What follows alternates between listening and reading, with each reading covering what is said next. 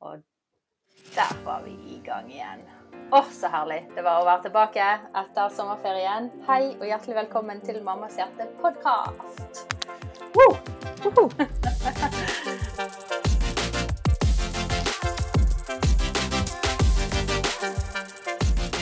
Hei, Janette. Hei, Katrine. Du er med som vanlig, og det er så kjekt. Eh, og i dag har vi også med oss Linda Karin Haugland. Hei, Linda. Hallo. Så kjekt at du hev deg med denne podkasten. I dag skal vi snakke litt om oppstart eh, og noe som heter skolevegring. Så det blir utrolig spennende. Gleder meg til å dykke litt inn i det temaet. Så er du klar for høsten, Renate? Du, jeg er- så klar som jeg kanskje aldri har vært, tror jeg. Oi. Eh, Ja, for det, altså, jeg har jo vært i permisjon i vår, så den sommerferien den kom jo veldig sånn ubeleilig. Eh, jeg var jo akkurat begynt i jobb igjen og overhodet ikke klar for sommerferie. sånn. Jeg hadde jo vært hjemme hele tiden. Ja, Hvor mange korona uker var du i jobb før du gikk ut i sommer? Nei, det var jo det rakk jo to måneder, men, To men det, måneder, ja. ja. ja, det er ikke så fryktelig mye når du har vært hjemme i nesten et år. Så um, Nei, jeg skal begynne ny jobb, og minstemann skal begynne i barnehage, og eldstemann skal i andre klasse, og ja da. God stemning. Og du har eh, bare skolebarn, du, i år? Du, det er litt rått å tenke på. Nå stiger han ene inn her og kysser meg på hånden, eh, akkurat som en prins. ja. Eh, han skal i seng, skjønner du. Nei, eh, du, vi, det er en veldig spesiell høst for oss, kjenner jeg på. At nå, nå er vi inne i en ny epoke. Vi har en barnehagegutt som er blitt til førsteklassing, og så har vi en barneskolejente som går opp i ungdomsskolen. Og det er, det er stort for meg, kjenner jeg, som mamma. Å bli tenåringsmor og begynne på hele den der svære greien som er ungdomsskolen. Karakterer og Ser hun er litt sånn smånervøs, men, eh, men jeg prøver å forklare at ikke det er så altfor stress i begynnelsen. Ja, men Spørsmålet er om det er hun som er nervøs, eller om det er du som er mest nervøs. Ja, det er sant. ikke hun er litt mer bedagelig type enn deg? Jo, men hun går Hun har mye indre tankeprosesser, vet du. Okay. Så jeg tror hun går og tenker mye på det, for jeg har ikke egentlig tenkt så mye over akkurat den biten. Men det blir veldig, veldig spennende, altså. Og du Linda, kanskje du forteller litt eh, til de som ikke kjenner eh, deg så godt. Jeg kjenner jo deg godt ifra skal vi se, Første gangen jeg traff deg, Linda, det var, tror jeg, på Danielsen videregående eh, andre klasse, sånn her barn og ungdom, helse og sosial, kanskje det samme? Ja, jo, jo, jeg husker det òg. Ja. vi gikk i klasse på um, barn og ungdom. Og så har jo vi på en måte endt litt eh, Det var jo noen år der vi ikke hadde så mye kontakt, men så, eh, så plutselig så endte vi opp litt i samme arbeid i forhold til dette med Hallo venn. Mm. Um, det var jo veldig spennende. Det kan vi snakke litt om etterpå. Men har du lyst til å bare fortelle litt hvem er du, og hva du driver med? Og... ja, jeg heter Linda Karin Haugland. Eh, Jeg er 38 år og er gift med Magnus Haugland. Vi har eh, tre barn. Vi har Elise som er 14, og Joakim som snart blir 12. Og så har vi Maria som er 8 år. Så nå er det ingen av de som skal eh, inn i noen sånn stor ny overgang. Men vi merker jo det at det er en ny høst på vei, og at det er spennende. Med opp et klassetrinn og nye utfordringer og opplevelser i vente. Eh, Jeg jobber som helsesykepleier. Eh, Jeg jobber på en barneskole, og så jobber jeg på helsestasjon. Så jeg jobber 100% med det. Det var vel i fjor eh, høst så begynte din datter på ungdomsskolen. Mm. Hvordan var det liksom å begynne i eh, Gå opp det trinnet der? Var det Gikk det greit dette året? Første året? Ja, eh, det, det gikk bra. Det var jo veldig spennende. Men nå eh, går jo hun på en skole der ungdomsskolen er ganske nært tilknyttet barneskolen. Eh, sånn at eh, det var mye kjent samtidig. Det gjorde nok overgangen litt lettere. Eh, men eh, det er jo dette med å begynne å få karakterer, er jo den klassiske som mange gruer seg til. Eh, men det har jo gått veldig fint. Man skjønner etter hvert at det ikke er det viktigste i livet. Så, ja. Eh, nye venner og eh, de føler seg større, får litt mer ansvar, og de får lov å være inne i friminuttene. Og ja, det er masse kjekt med å begynne på ungdomsskolen. Er det noe du gruer deg til, Inger Nette, med denne høsten? Ser du noe som er, blir stress å komme tilbake til? I forhold til ting du har hatt i sommer som har vært eh, annerledes? Du, jeg kan ikke si at jeg har følelsen av at jeg gruer meg, men jeg er litt spent. Yeah. Eh, fordi at eh, nå har vi ett barn som skal leveres på en skole, eh, og ett barn som skal leveres i en barnehage som er et helt annet sted. Både meg og min mann har litt krevende jobber, litt mer krevende jobber enn vi har hatt før. Eh, så jeg har brukt en god del tid i sommer på å reflektere rundt hvordan skal vi få dette til å flyte. Eh, blant annet å si nei til ganske mange ting som eh, folk og fe ønsker at man skal gjøre på ettermiddagen. Og vi har blitt enige om at vi forplikter oss til få ting. F.eks. For jeg forplikter meg til denne podkasten, som jeg har gjort, og min mann forplikter seg til en annen ting. Og så begynner vi der. Og så ser vi hvordan det fungerer, sånn at vi har litt eh, avslapningstid på kveldene. Og hvis vi ser at det går fint, så kan vi utvide. Men å legge til rette for det at eh, barn blir syke, man må kanskje jobbe litt på kveld, eh, ja. Så, så jeg er litt spent, rett og slett. Ja, for innkjøring i barnehage det første året kan ofte være en del eh, Mye bakterier de skal bli vant med, eh, og, og det utgir seg gjerne i sykedager og, og sånn. Men nå har jo han hatt en bror som allerede Ja. eh, har gått foran han, og jeg opplevde jo gjerne at de som kom Altså nummer to og nummer tre, de var mindre syke enn nummer én, på en måte. Ja, det er det jeg satser på. Han har jo vært syk i hele år, så helt til korona kom og ingen var i nærheten av oss, og ingen kunne smitte noen. noe. Ja. Så da Nei, så det, det blir veldig spennende. Så vi- vi har drevet og planlagt litt, og liksom de dagene jeg skal på dagsreiser, at da hadde min mann satt det inn i sin kalender, at ikke han planlegger viktige møter. Så vi har gjort litt sånn forarbeid, da, for å, å liksom legge forholdet til rette for at ikke det blir kaos. Jeg har kjøpt matbokser, skal lage maten på kvelden, sånn at jeg ikke morgenen blir stress for min mann, som skal ta morgenen stort sett alene. Ja, jeg, liksom, jeg har drevet og rett og slett gjort en del sånn tankeprosesser på hvordan kan vi få hverdagen til å gå rundt. Så det er jeg spent på om fungerer. Det høres veldig smart ut. altså Bare det der med å lage de rommene for at man trenger bare dager som man ikke gjør noen ting på. Jeg, jeg har så lett for å bare fylle, for nå er hele september ledig, så jeg bare fyller opp alle dagene. og så blir det bare kaos når september kommer, eh, for da er folk både syke og man er sliten. Så angrer man på tankene man hadde i august. Så det var ikke en dum tanke, da. Du, Linda, har dere noen sånne konkrete ting dere gjør før oppstart av eh, planlegging eller forberedning?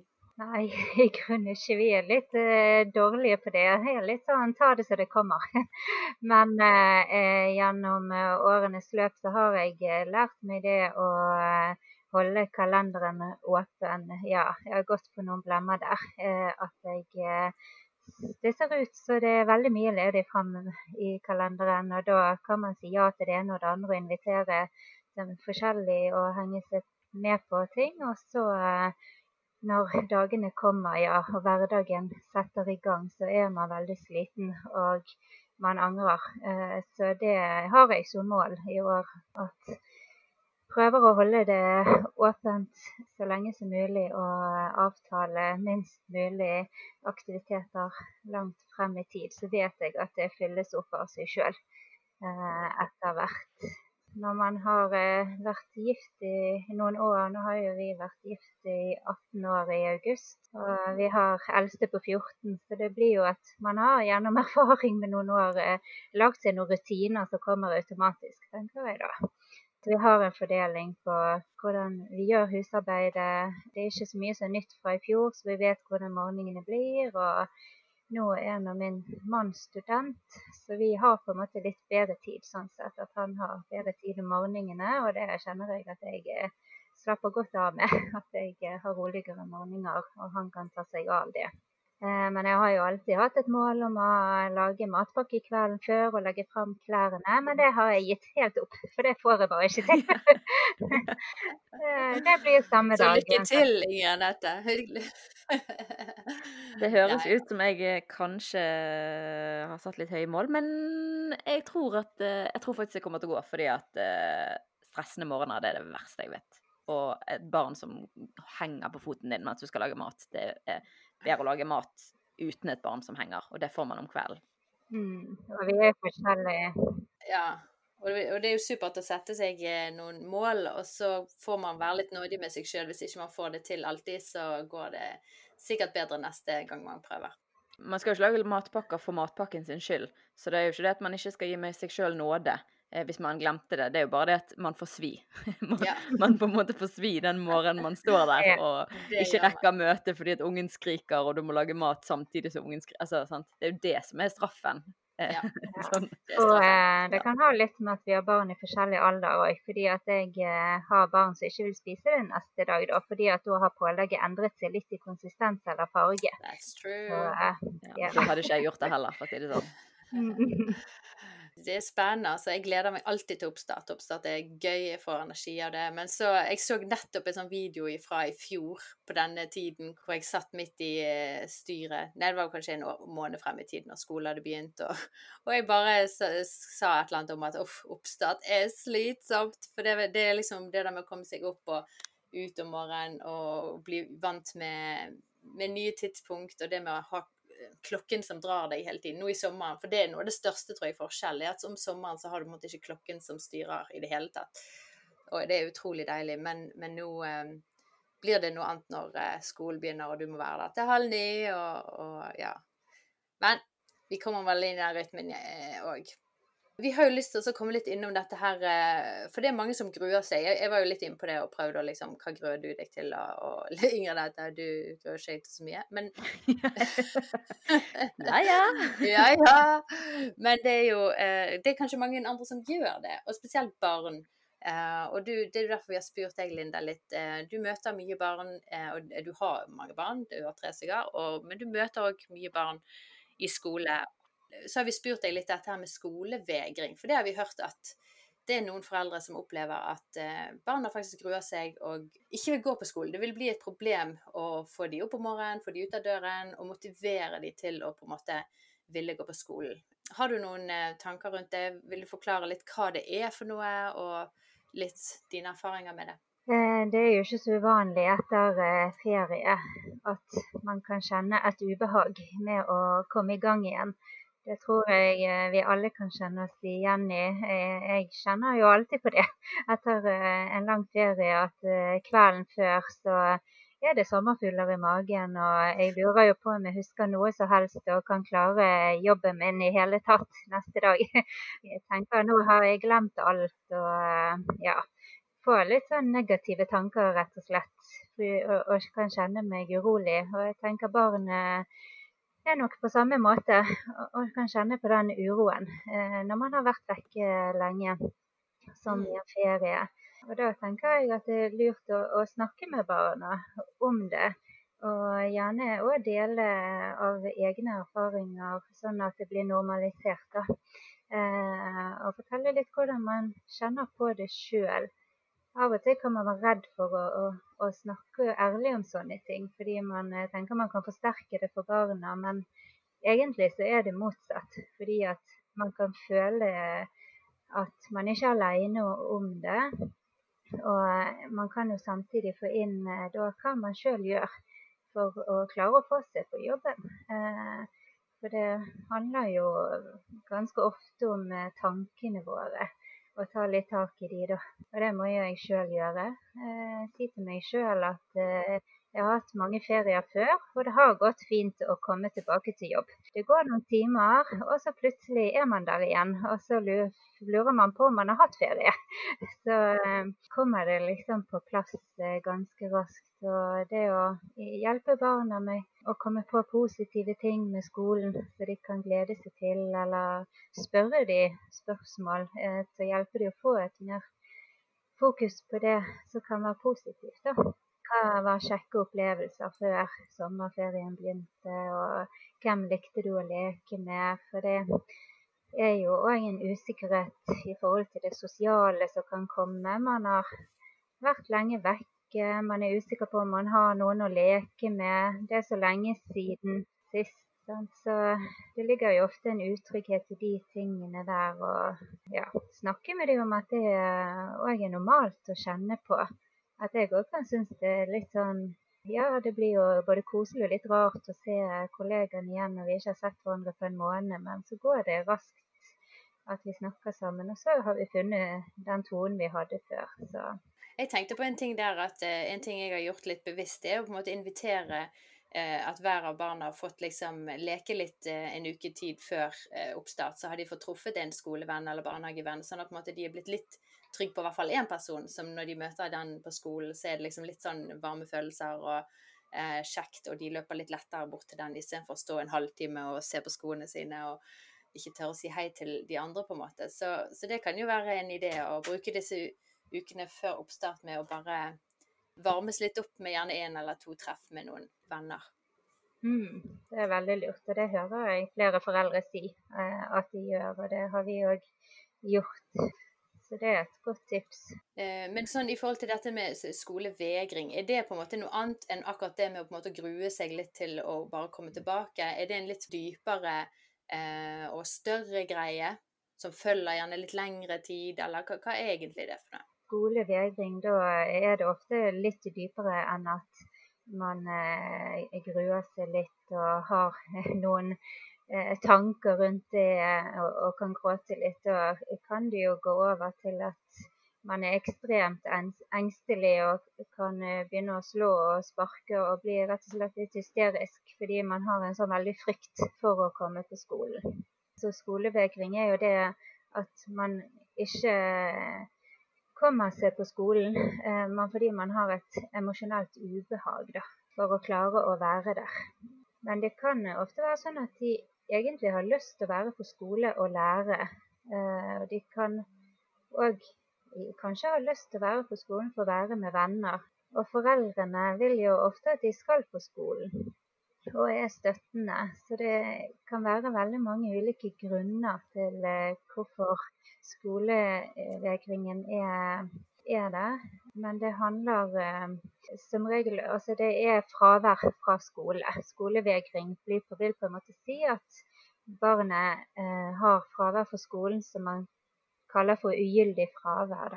Et gyldig fravær vil si at uh, man er syk, har spysyken eller har operert altså, eller skal til tannlegen. Da har man et gyldig fravær. Men når man er da vekke fra skolen uten at man har en annen forklaring enn at man bare ikke vil, da kaller man det for en vegring. At man vil ikke på skolen. Og da kan det være alt fra at man kommer stadig for seint på skolen, eller at man stadig går hjem fra skolen før skolen er slutt, eller det kan være at man ikke har vært på skolen eh, på uker og år. Alt det kommer egentlig innenfor skolevegring. Ser du mye ut av det eh, i jobben din? Ja, det ser jeg eh, mye ut av. Og det er veldig varierende det tidsperspektivet. Man prøver jo å komme inn tidlig, for man vet at det, det er veldig avgjørende. Eller så kan det jo utvikle seg til eh, Man vet at hvis noen barn er lenge hjemme, så er det jo enda vanskeligere å få dem tilbake på skolen. For da har de gjerne gått glipp av en del av det sosiale, de er usikre på hvor de er faglig, og de er blitt enda mer utrygge på skolesituasjonen. Gapet blir jo bare større og større på en måte jo lengre de holder seg vekke. Og det, det er jo litt interessant, fordi eh, det var mannen til Erlend, faktisk, han fortalte meg Nå kan jeg ikke gjengi helt korrekt, men eh, tilsvarende gjelder eh, hvis man er sykemeldt. At jeg tror det var Jeg er på gyngende grunn, men hvis man var sykemeldt i mer enn et halvt år Jeg tipper at det ikke gjelder ting som f.eks. hvis man har operert en fot og man må på en måte Ja. Men hvis man var sykemeldt i mer enn et halvt år, så var det bare 50% tror jeg, som kom tilbake igjen i jobb. Det var noe helt sånn vanvittige tall. Eh, det kan ha vært et år, altså det kan ha vært på en måte, men poenget var at det var helt sånn sykt store tall hvis du først har vært ute lenge. For voksne òg blir den mm. terskelen på en måte sånn, da. Så det er jo litt interessant. Det er helt sant. Og det er ofte nyttig, syns jeg, at vi voksne kan tenke oss litt til hvordan er det eh, for barnet i denne situasjonen, da. Ja, Så hvordan eh, på en måte griper du eh, an noe sånt på en måte, når du møter en sånn situasjon? Eller på en måte, La oss si det er noen, en mor som hører på dette, eller en far som hører på dette, som opplever dette, at de har et barn som gjerne eh, gjentatte ganger ønsker å være hjemme fordi det klager på vondt i magen, tenker jeg er veldig sånn typisk. Mm. Og griner og, og jeg klarer ikke å få sovne for de gruer seg til dagen etter. Hvis dette er gjentatte ting, hva ville du sagt eh, til noen? Bør de gå opp, oppsøke en konkret hjelp, eller er det å snakke med lærer? Eh, Hvordan kan en forelder gripe an noe sånt som dette, da? Ja, jeg tenker jo eh, aller først å ha en god prat med barnet, som de sikkert har hatt. Eh, sette seg ned i god tid og prøve å kartlegge litt rundt eh, hva det er konkret de kanskje gruer seg til.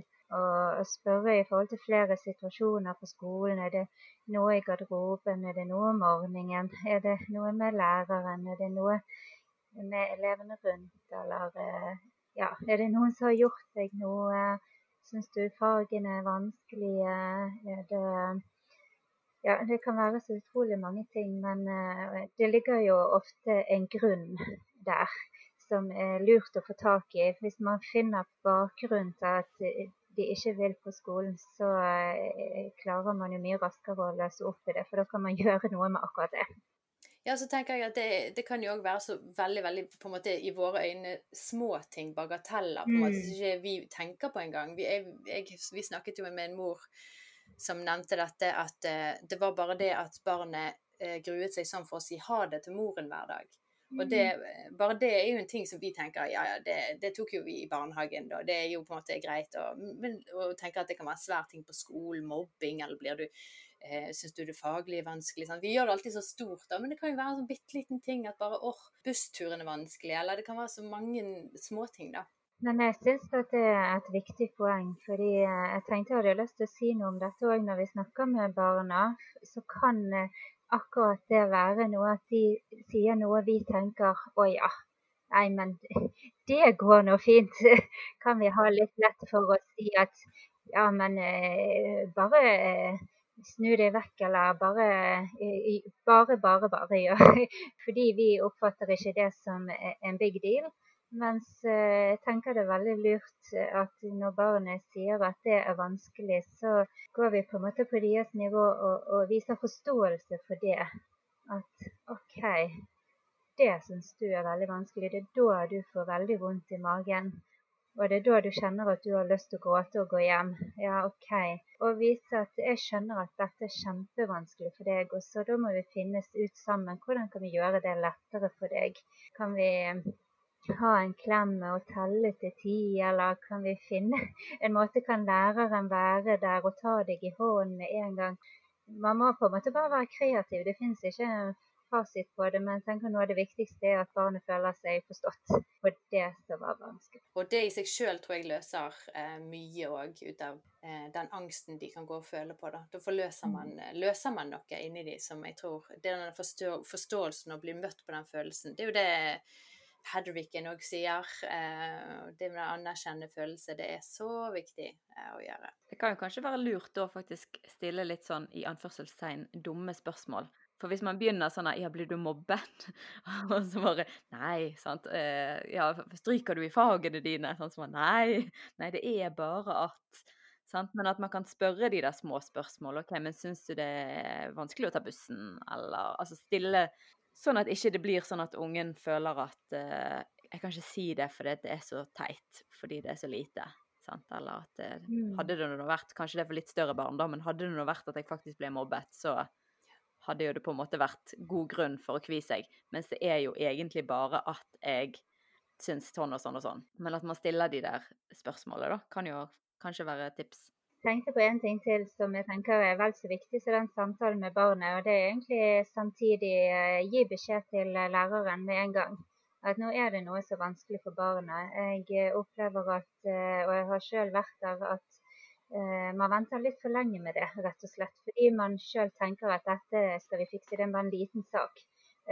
Men jeg ser at skolen setter veldig pris på å få veldig tidlig beskjed om at nå er det noe barnet mitt syns er vanskelig i forhold til skolen. Og man trenger ikke vente til man føler at det er stort nok. Eh, hvis det er til stede, så er det nok til at man eh, sender en mail eller tar en telefon eller hvordan man kontakter læreren sin og forklarer det. Eh, at nå gråter han eller hun, sier 'vil ikke på skolen', vi har snakket sammen om og prøver å finne ut hva det er. Kanskje du kan følge litt med og ja, fortelle oss hvordan det går i morgen, og, og skape en dialog der. da. tenker jeg er lurt.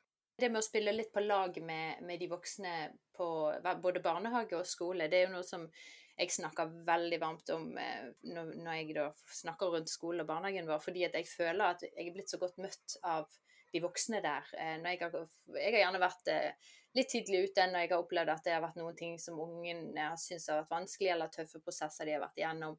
Og så har jeg med en gang fått spilt på lag med de voksne og liksom fått Hva tenker dere? Hva ville dere gjort? Hva, hvordan møter dere de i barnehagen eller på skolen? Hvordan kan du hjelpe meg på en måte på best mulig måte? Og hvordan kan eh, og, det, og jeg tror alle lærere og barnehagelærere vil på en måte møte en forelder som kommer og stiller de spørsmålene. For det er jo det de brenner for i jobben sin. Så bare være der og bare tenke at disse voksne som er sammen med barna dine på dagtid, de vil spille på lag med deg som forelder. Og bare bruke de som ressurser inn i barnets liv. Og de ser gjerne andre ting som ikke vi ser, og, og eh, kan komme med litt perspektiv og gode tips. Det er i hvert fall min erfaring, da. Mm. Men Linda, har du opplevd noe av dette sjøl som mor, eh, å på en måte følge barn gjennom sånne prosesser? Ja, det har jeg jo som mor òg. Min eldste datter eh, begynte å vise tegn til skolevegring begynte litt i femte, men det ble, tok seg veldig opp i sjette klasse. Uh, og der uh, kjenner jeg meg jo litt skyldig i det at det tok litt tid før vi forsto alvoret i det. Og det var jo dette med vondt i mage, uh, vondt i hodet, får ikke til å sovne på kveldene. Gruer seg veldig, har mareritt og veldig motstand for å gå på skolen. Og vi leitet jo mye i dette, de fysiske, somatiske plagene. da, Og var både til lege og til legevakt, for det var så ille noen ganger at jeg trodde nesten det måtte være blindtarmbetennelse. Det var veldig vanskelig en periode der. Og da, etter hvert så forsto vi at dette handlet om mobbing eh, og dårlig klassemiljø. Der vi måtte snakke med skolen og prøve å finne ut av det. Men for oss så ble det jo eh, til et skolebytte, da. Det var det som ble løsningen. Uh, og vi ser jo at det henger veldig igjen når det er mobbing som ligger til grunn for skolevegring. Da skaper det en veldig utrygghet i barnet og en stor mistillit til skole og de som jobber der, eh, for barnet sin del. Jeg tenker at noe av det viktigste som jeg har lært sjøl som mor, er rett og slett dette her at barnet sin stemme må komme frem. Og det jeg tenker jeg at neste skole vi kom på, var ekstremt dyktig på. At de trodde på det hun sa, og de tok alt på alvor. Selv om eh, det fremdeles skal mye til før de klarer å vinne hennes tillit. For det har vært en del erfaringer der eh, hun ikke har blitt hørt på det hun har sagt. Så ser vi jo så stor forskjell hvordan ting kan endre seg i eh, relasjoner og klassemiljø når barnet får lov å bli hørt. Det er dette som er vanskelig for meg, og det er dette jeg trenger for å ha det bra. For det òg tenker jeg barna i stor grad må få lov å være med på å bli hørt på hva de trenger for å kjenne seg trygg på skolen, da, hvis det er noe i skolen som er vanskelig. Dette med skolevegring kan jo handle om ting som er vanskelig i hjemmet, sånn at det kan være utrolig mye. Og det kan rett og slett være en angst barnet har i seg sjøl som trenger psykologhjelp. Det ja, kan være mye forskjellig, men at man er veldig lydhør for barna at de har utrolig mye viktig å formidle, og de kan vite noe om hva de trenger for å klare å gå på skolen og for å klare å være der. Så det å gjøre avtaler at, uh, med barnet, prøve ut litt forskjellig OK, det er den personen du trenger da, eller du kan få lov til å ringe hvis det blir for vanskelig, eller du kan få lov å sitte inne på det kontoret med den personen, eller du kan få lov å få noen pauser, ingen skal bli sint på deg. Altså, det som skaper trygghet eh, for den enkelte, tenker jeg må frem. Og det har iallfall vært det som for oss ble hjelpen til å komme på rett vei igjen. Var det når hun fikk frem det hun trengte, da.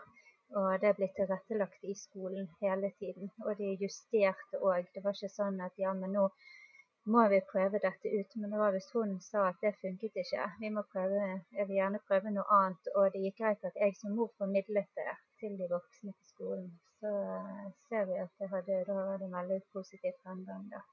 Da var hun mye mer til stede på skolen og klarte å gå.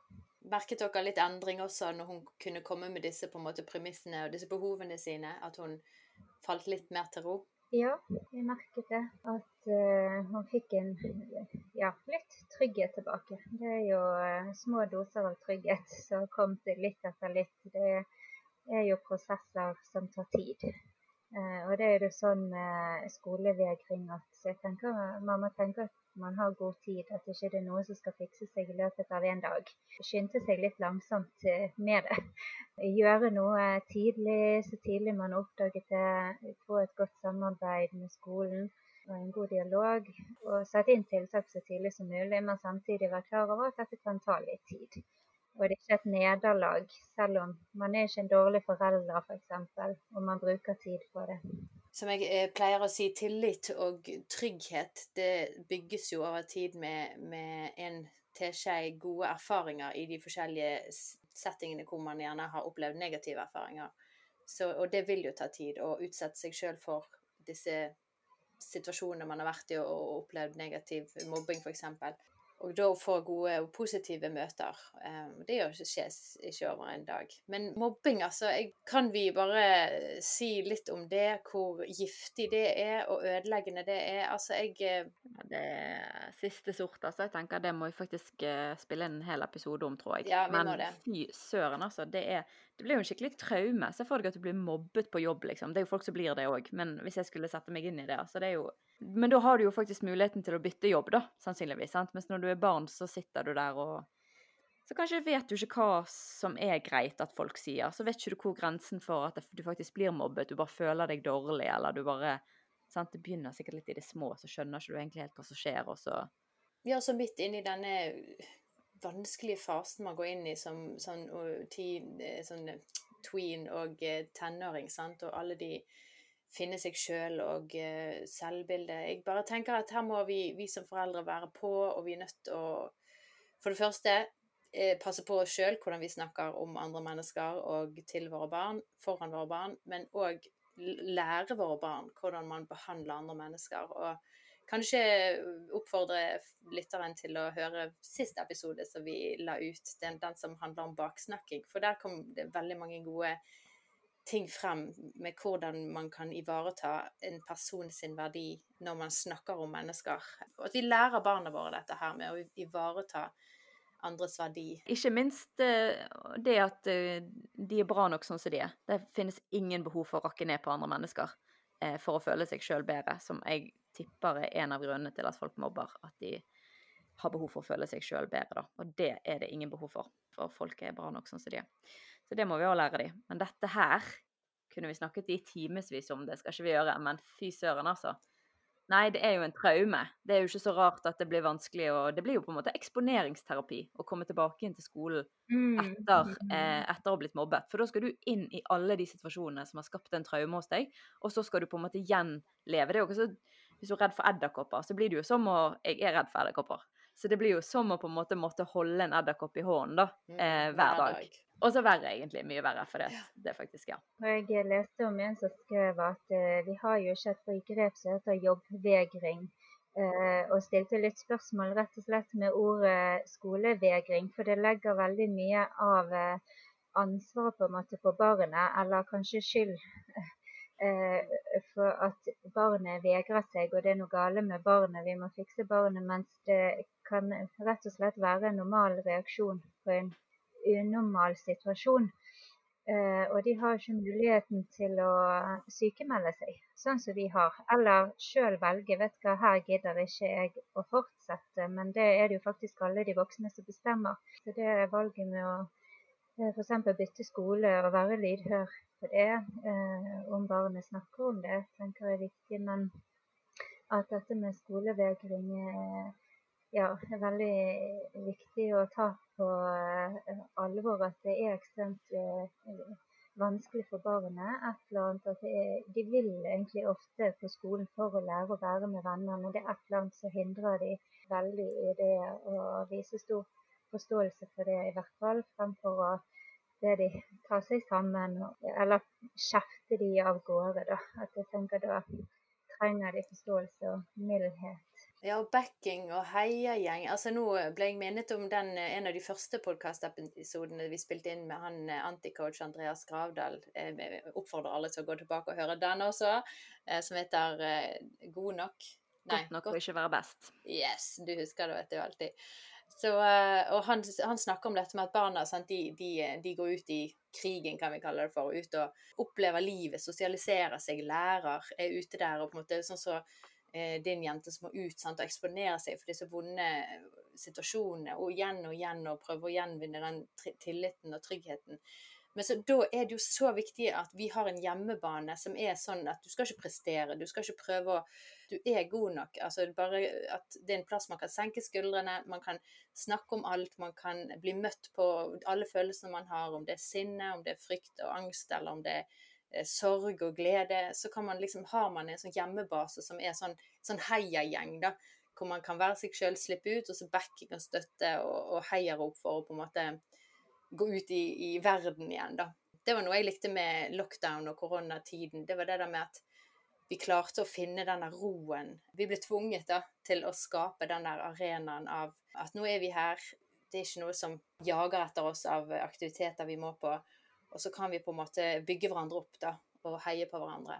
Det har jeg òg eh, lest om at uh, dette med selvfølelse kan for mange òg være en viktig del av det eh, med skolevegring. At den følelsen man har av, å være viktig og verdifull i seg sjøl, Eh, og det er jo iallfall ofte for de som uh, er i mellomtrinn eller opp mot ungdomsskolen spesielt. Da. Det er jo viktig for alle, men da øker jo gjerne opp følelsen av press på prestasjon. Og da tenker jeg det å helt fra de er bitte små, men hele veien eh, gjøre akkurat som du sier, Katrine, kjempeviktig for å forebygge. Eh, at de skal synes at ting blir for vanskelig for dem, at de mister selvtilliten. Det henger jo ofte sammen. Hvis du ikke føler deg god nok i deg sjøl, så kan du veldig fort svikte i selvtilliten òg. For selvtilliten går jo mer på den prestasjonsdelen, og den kan jo variere etter hva aktivitet du gjør. Du kan føle deg kjempegod ene dagen og så dårlig noe annet neste dag. Men selvfølelsen er den konstante følelsen av hvordan, ja, at jeg har troen på meg sjøl. At jeg er viktig og er verd å elske for den jeg er, uansett hvordan jeg klarer skole eller aktiviteter eller andre prestasjoner. Eh, og det viste seg jo òg det at det var veldig effektivt, rett og slett som en behandling på de som hadde en dårlig selvfølelse, og at det gjorde at de rett og slett backet ut på skole senere, ja, sånn i ungdomsskolealder.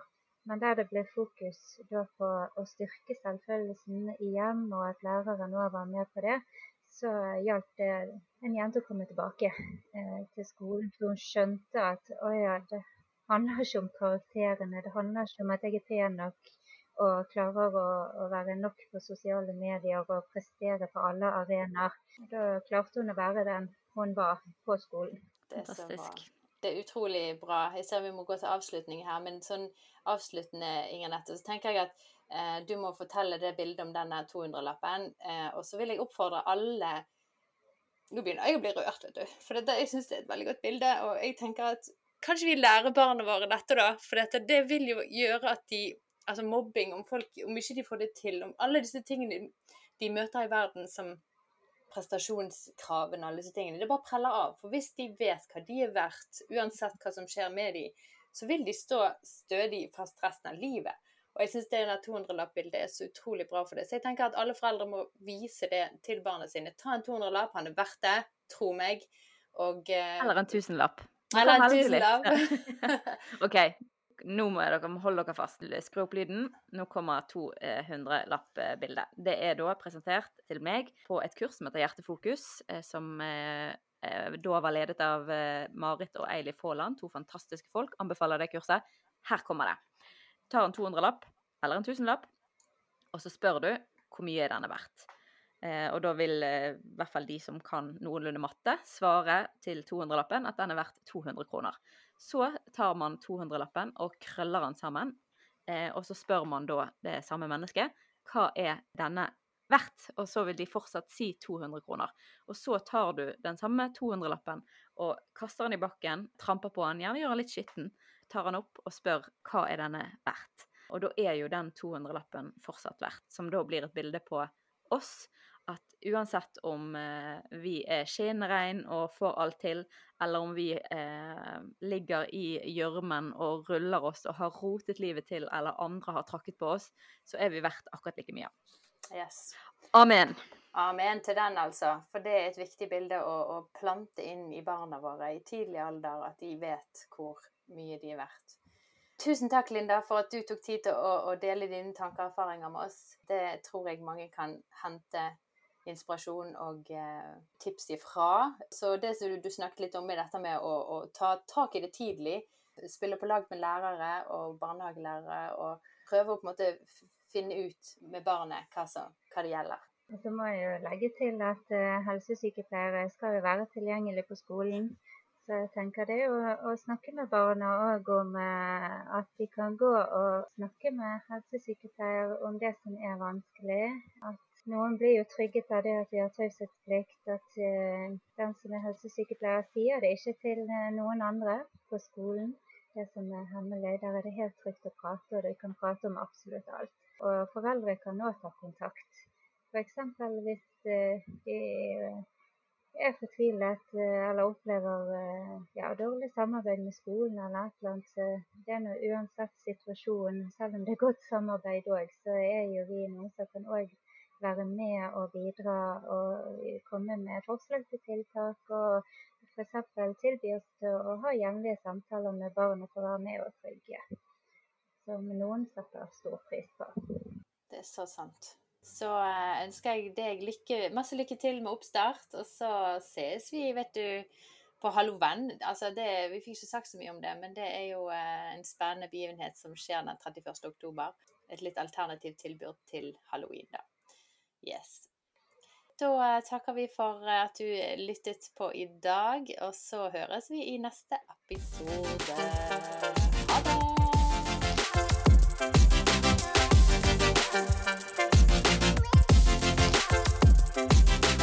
Hvis du har spørsmål, tilbakemeldinger eller ting du tenker på rundt det vi snakket om i dag, så har vi veldig lyst til å snakke med deg. Du kan kontakte oss på Snapchat, Instagram og Facebook. Der svarer vi alle meldinger. Så skriv oss en melding. Vi har veldig lyst til å chatte litt med deg.